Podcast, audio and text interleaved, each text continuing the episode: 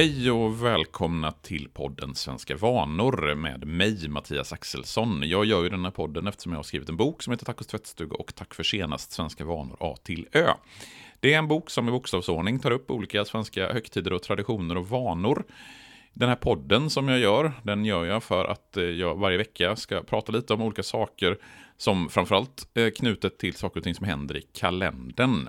Podden finns där poddar finns och är ni intresserade av boken så går ni in på svenskavanor.se.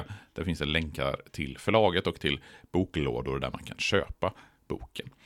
Idag när podden kommer ut så är det fredag den 27 november och det är den fjärde fredagen i november. Därmed så är det också Black Friday och det här är ju någonting som man egentligen inte pratar om kanske som en svensk tradition eller som en svensk högtid. Men man ska då komma ihåg att det faktiskt är en ganska stor grej i Sverige numera med Black Friday. Det har ju inte funnits speciellt länge. Eh, man kan säga att det får ordentlig fart i Sverige 2015. Och Black Friday, det är ju en grej som liksom till exempel alla hjärtans dag eller Halloween eller mors dag och fars dag om man ska ta äldre exempel, är importerade ifrån USA. Black Friday är ju i USA fredagen efter Thanksgiving eh, dagen som alltid är på en torsdag, fjärde torsdagen i november. Och då blir ju Black Friday dagen därefter. Och det är en stor rea-dag i USA där försäljningen skjuter i höjden. Och det här kom ju till Sverige någonstans runt 2015. För om man söker i tidningsarkiven så kan man se en oberörd ökning av antalet annonser, annonser med Black Friday-reor under just 2015. Och det stämmer också överens med vad e-handelsexperten Patrik Müller säger i en intervju i Dagens Nyheter 2018. Han säger så här att redagen Black Friday har vuxit varje år sedan genomslaget 2015, inte enbart i betydelse för handeln utan även i omfattning.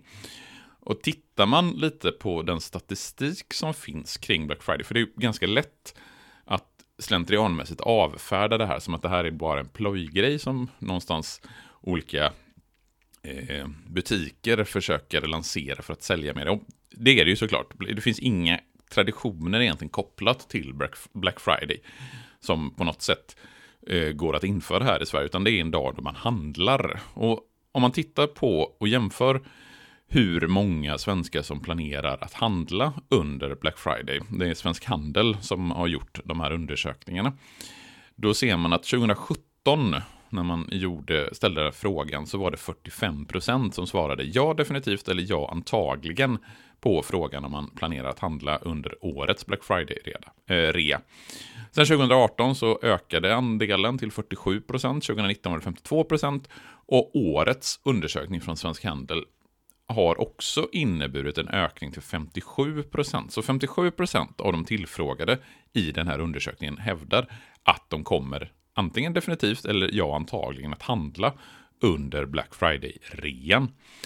Och tittar man på ett, ett annat sätt att liksom undersöka det, det är i vilken utsträckning handlarna själva upplever det här som en viktig, Eh, ett viktigt försäljningstillfälle. Och om man tittar på vilka helger och högtider som eh, handlarna tycker är de viktigaste, så givetvis är det jul. Julhelgen är den absolut viktigaste rent försäljningsmässigt. Den, eh, det är 70% av de tillfrågade som anser att det är en viktig helg för försäljningen.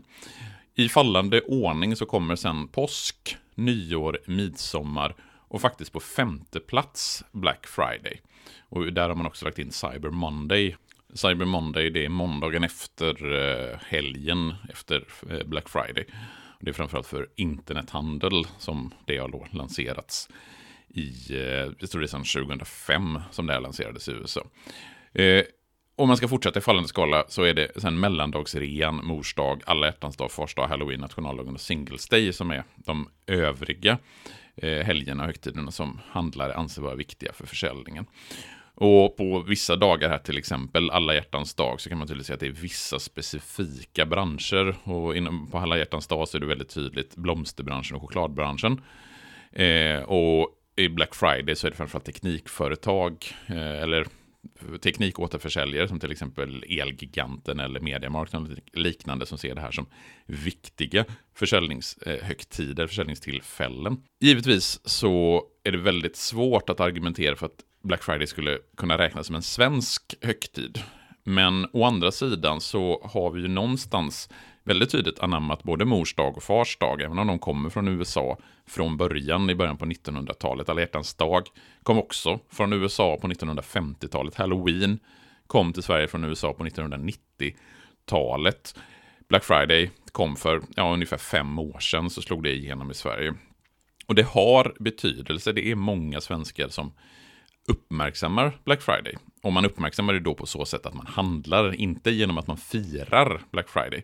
För det är inte en sån dag som man liksom firar någonting, utan Black Friday uppmärksammas genom att man handlar saker och ting på rea.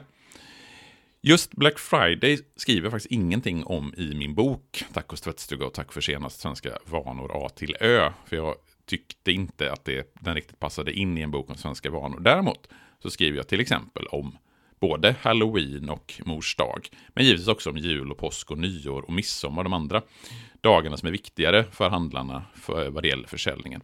Är du intresserad av eh, boken så kan man gå in på svenskavanor.se. Där finns det information om hur man införskaffar den. Du får gärna följa mig på sociala medier, heter Högtider och vanor på olika sätt. På Instagram, Twitter och på Facebook, sök på Svenska högtider och vanor så lär du hitta mina konton där. Så hörs vi igen om en vecka. Då kommer jag nog prata lite mer om advent, tror jag. Ha det så bra tills dess. Hej!